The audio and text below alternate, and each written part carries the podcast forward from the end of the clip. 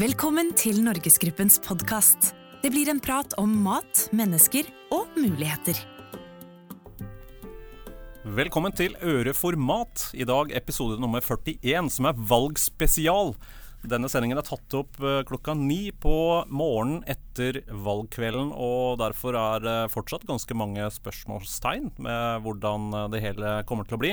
Men vi har med oss to eksperter i dag. Det er eh, partner i Synk, Sigurd Grytten, som er tidligere stortingsrepresentant for Arbeiderpartiet. Velkommen. Tusen takk. Og vi har også med oss Bård Gulltvedt, som er direktør for næringspolitikk og myndighetskontakt i Norgesgruppen. Men han har også en mørk bakgrunn som senterungdom, så velkommen også til deg.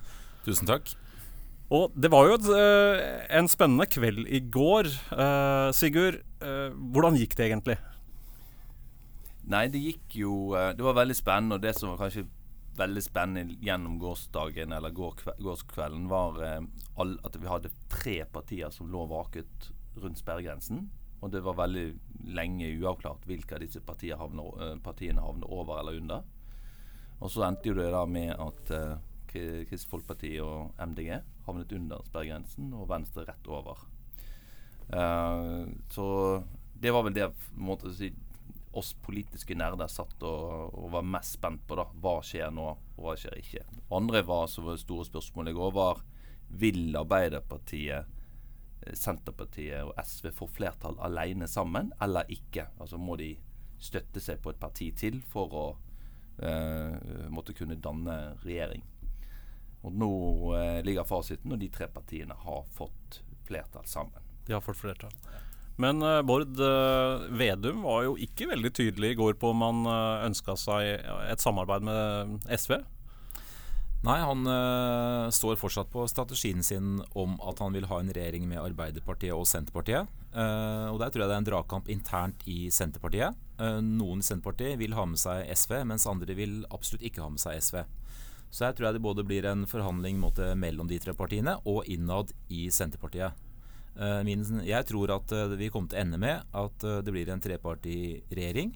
Eh, og eh, det tror jeg også er bra for landet. Da får vi stabilitet og forutsigbarhet. Nettopp. For da hvis det blir eh, SV, Ap og Sp, så har du vel da flertall med fire mandaters margin. Men hvis de bare kjører en Arbeiderparti- og Senterpartiregjering, så mangler de ni mandater for flertall. Men du tror på en trepartiløsning. Hva sier du, Sigurd?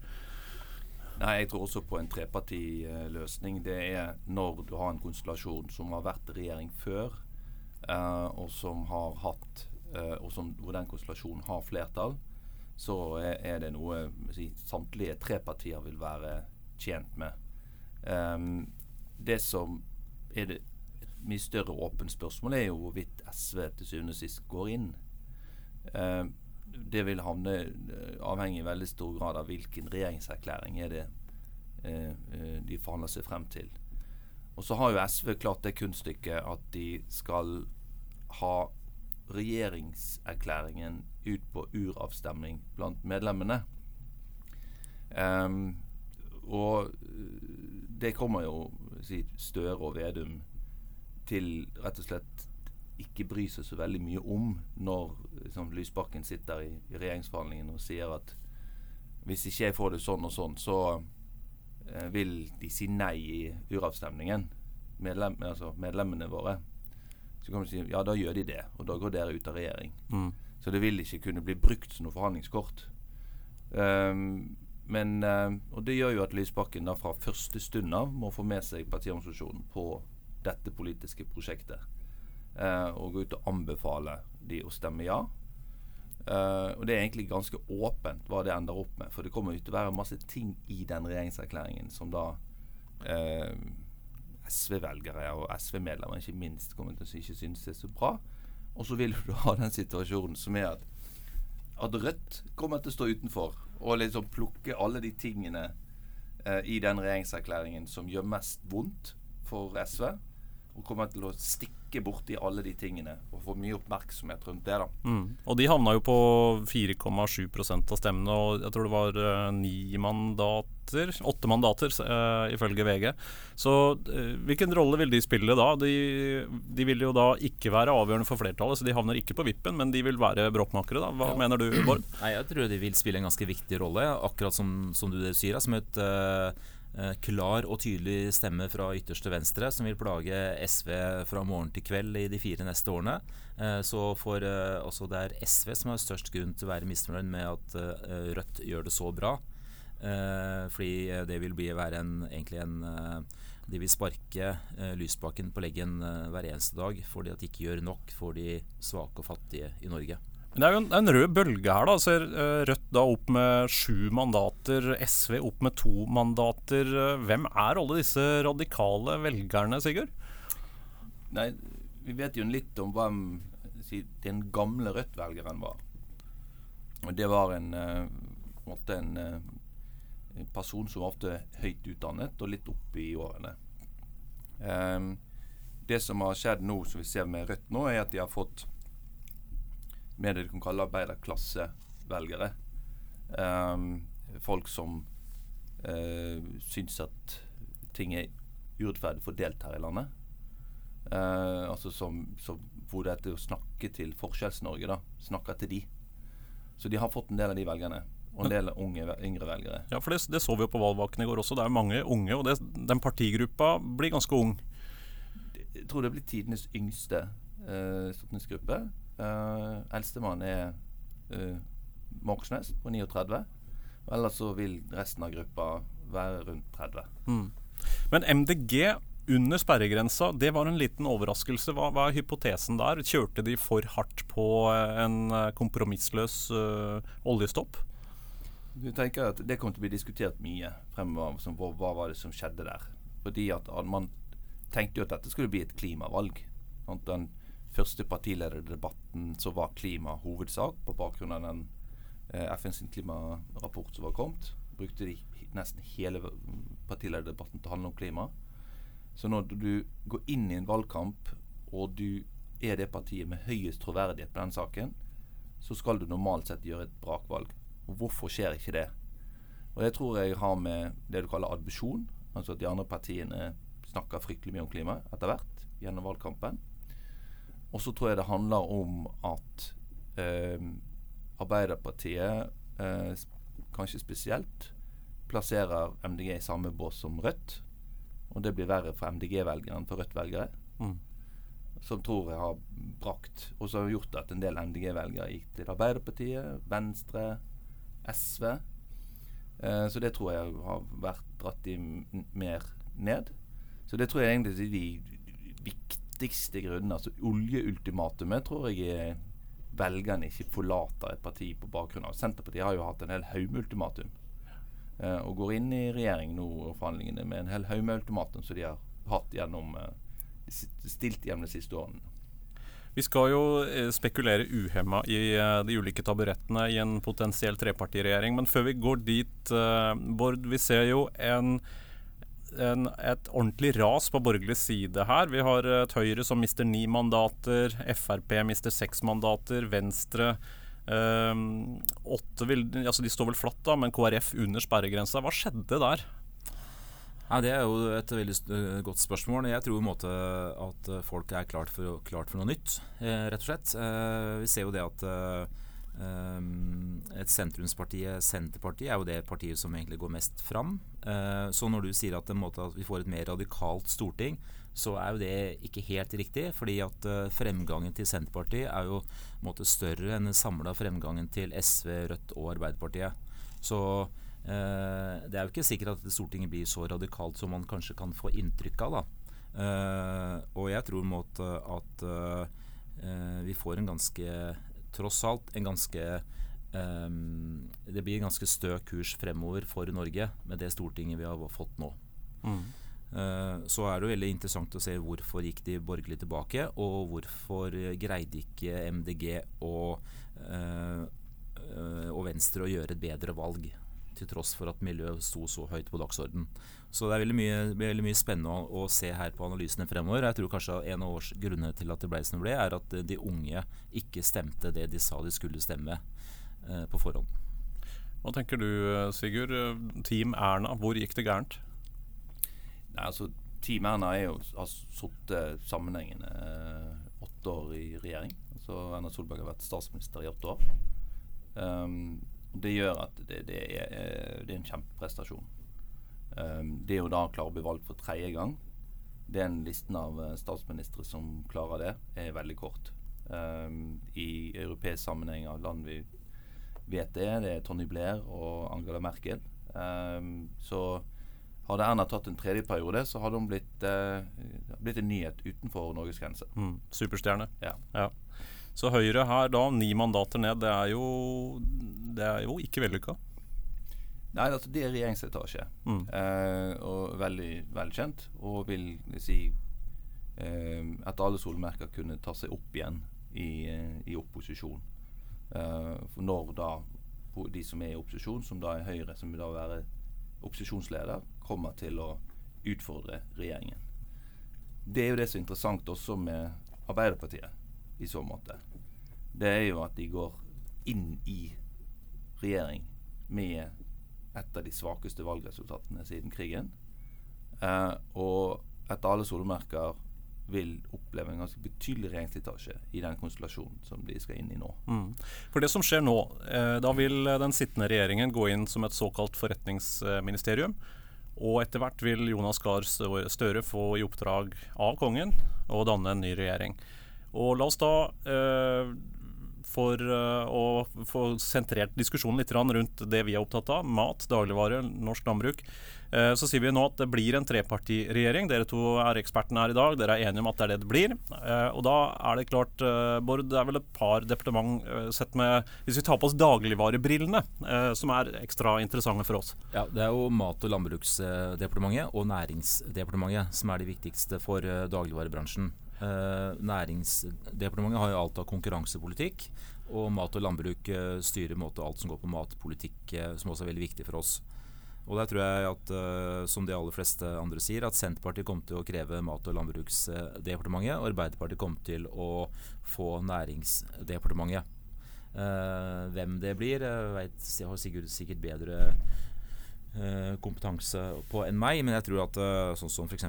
Pollestad kommer til å være en aktuell kandidat til å ta landbruk. Uh, og, um, og, kanskje også Borten Moe kan være en aktuell landbruksminister. Mm.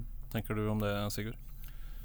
Nei, jeg tenker også at um, Pollestad er den jeg måtte, vil si, satser mest på som, som mulig landbruksminister. Um, Pollestad kan også være en, en mulig kandidat til næringsminister. Um, Senterpartiet er jo en, har en ganske tung posisjon uh, i denne regjeringen, sammenlignet med hvordan vi kjente den tidligere rød-grønne regjeringen. Da var jo SV og Senterpartiet ganske jevnstore, og Arbeiderpartiet liksom veldig klart størst i den mm. konstellasjonen. Så det peker i retning av at Senterpartiet vil måtte ha noen flere av de tunge statsrådpostene mm. Uh, enn det de hadde sist i regjering. Mm. Uh, så um, men jeg må jo så det blir kamp om flere av de tyngre postene. Ja, og så, men det er jo også andre viktige og spennende poster. F.eks. Energi- og energidepartementet eh, blir kjempeviktig departement fremover. Eh, det blir også veldig spennende å se om de kommer til å gjøre et eller annet mellom energi og miljø. Eh, kommer man til på en eller annen måte slå sammen det, få et sånn superdepartement. Det, det, blir veldig spennende og viktig for, eh, for hele bransjen. Eh, ikke minst for Norgesgruppen som satser så veldig mye på klima. Finans, hvem, hvem, får Finansdepartementet, og ikke minst hvem statsråd får blir finansminister, blir, blir interessant. og også Senterpartiet har tradisjonelt valgt kommunalministeren.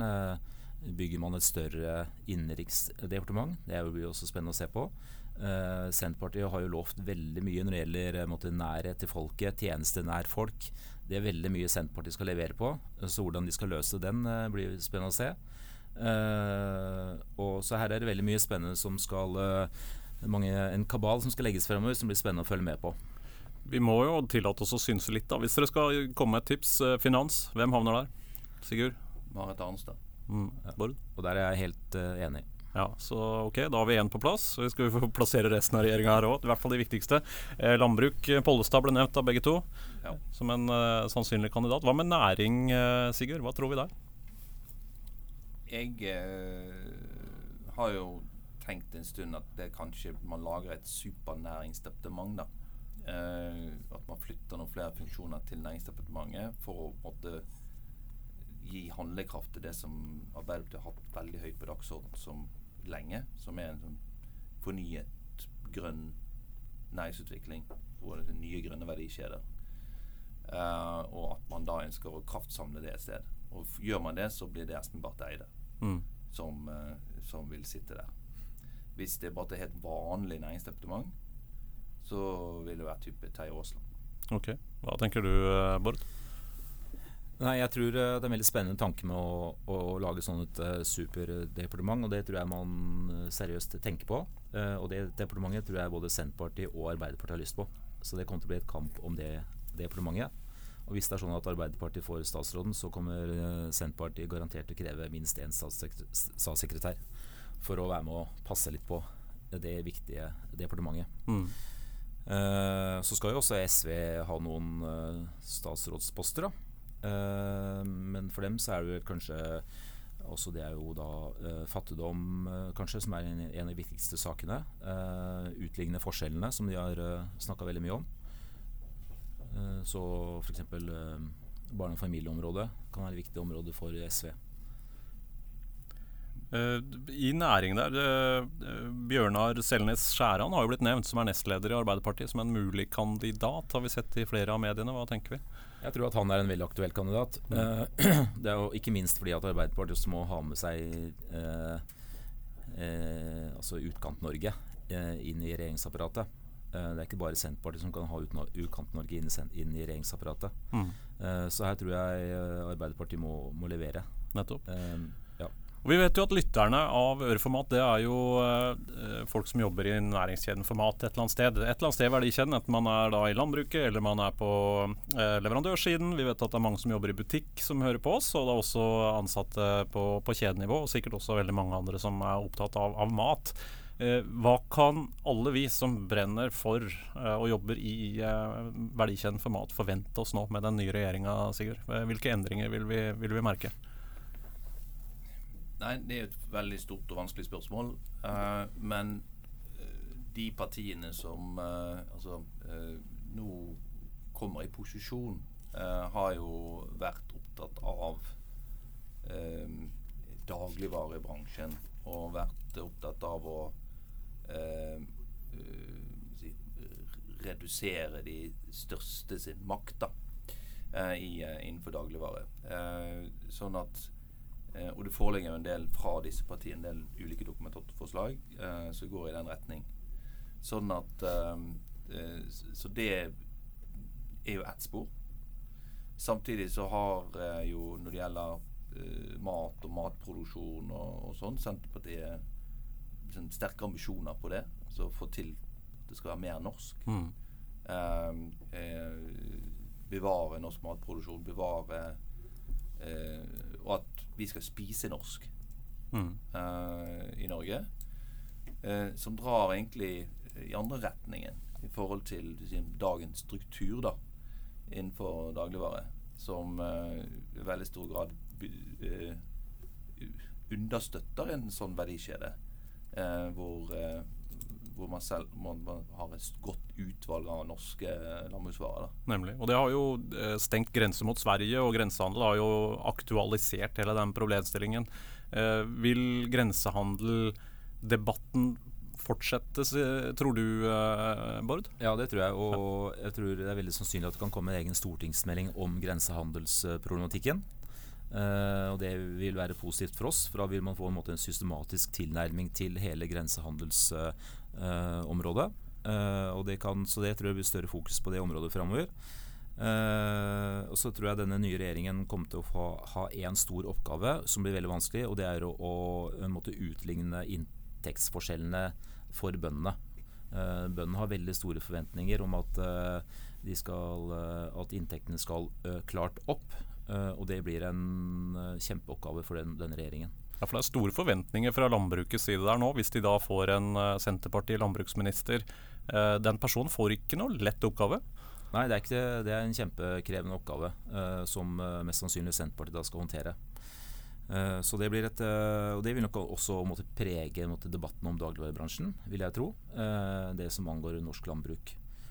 så vi må nok regne med at det blir et fortsatt kritisk fokus på dagligvarebransjen framover. Men det er også viktig å huske at vi har jo hatt en sånn trepartiregjering før, og den var jo veldig grei å forholde seg til. Fornuft, det er mye fornuftige folk i disse tre partiene som, eh, som skjønner at dagligvarebransjen er viktig for veldig mange. Men Det ble jo bred enighet om stortingsmeldingen eh, rundt konkurransesituasjonen i, i, norsk dagligvare eh, nylig. Vil det bli noen omkamper der, forventer vi eh, det, eh, Bård?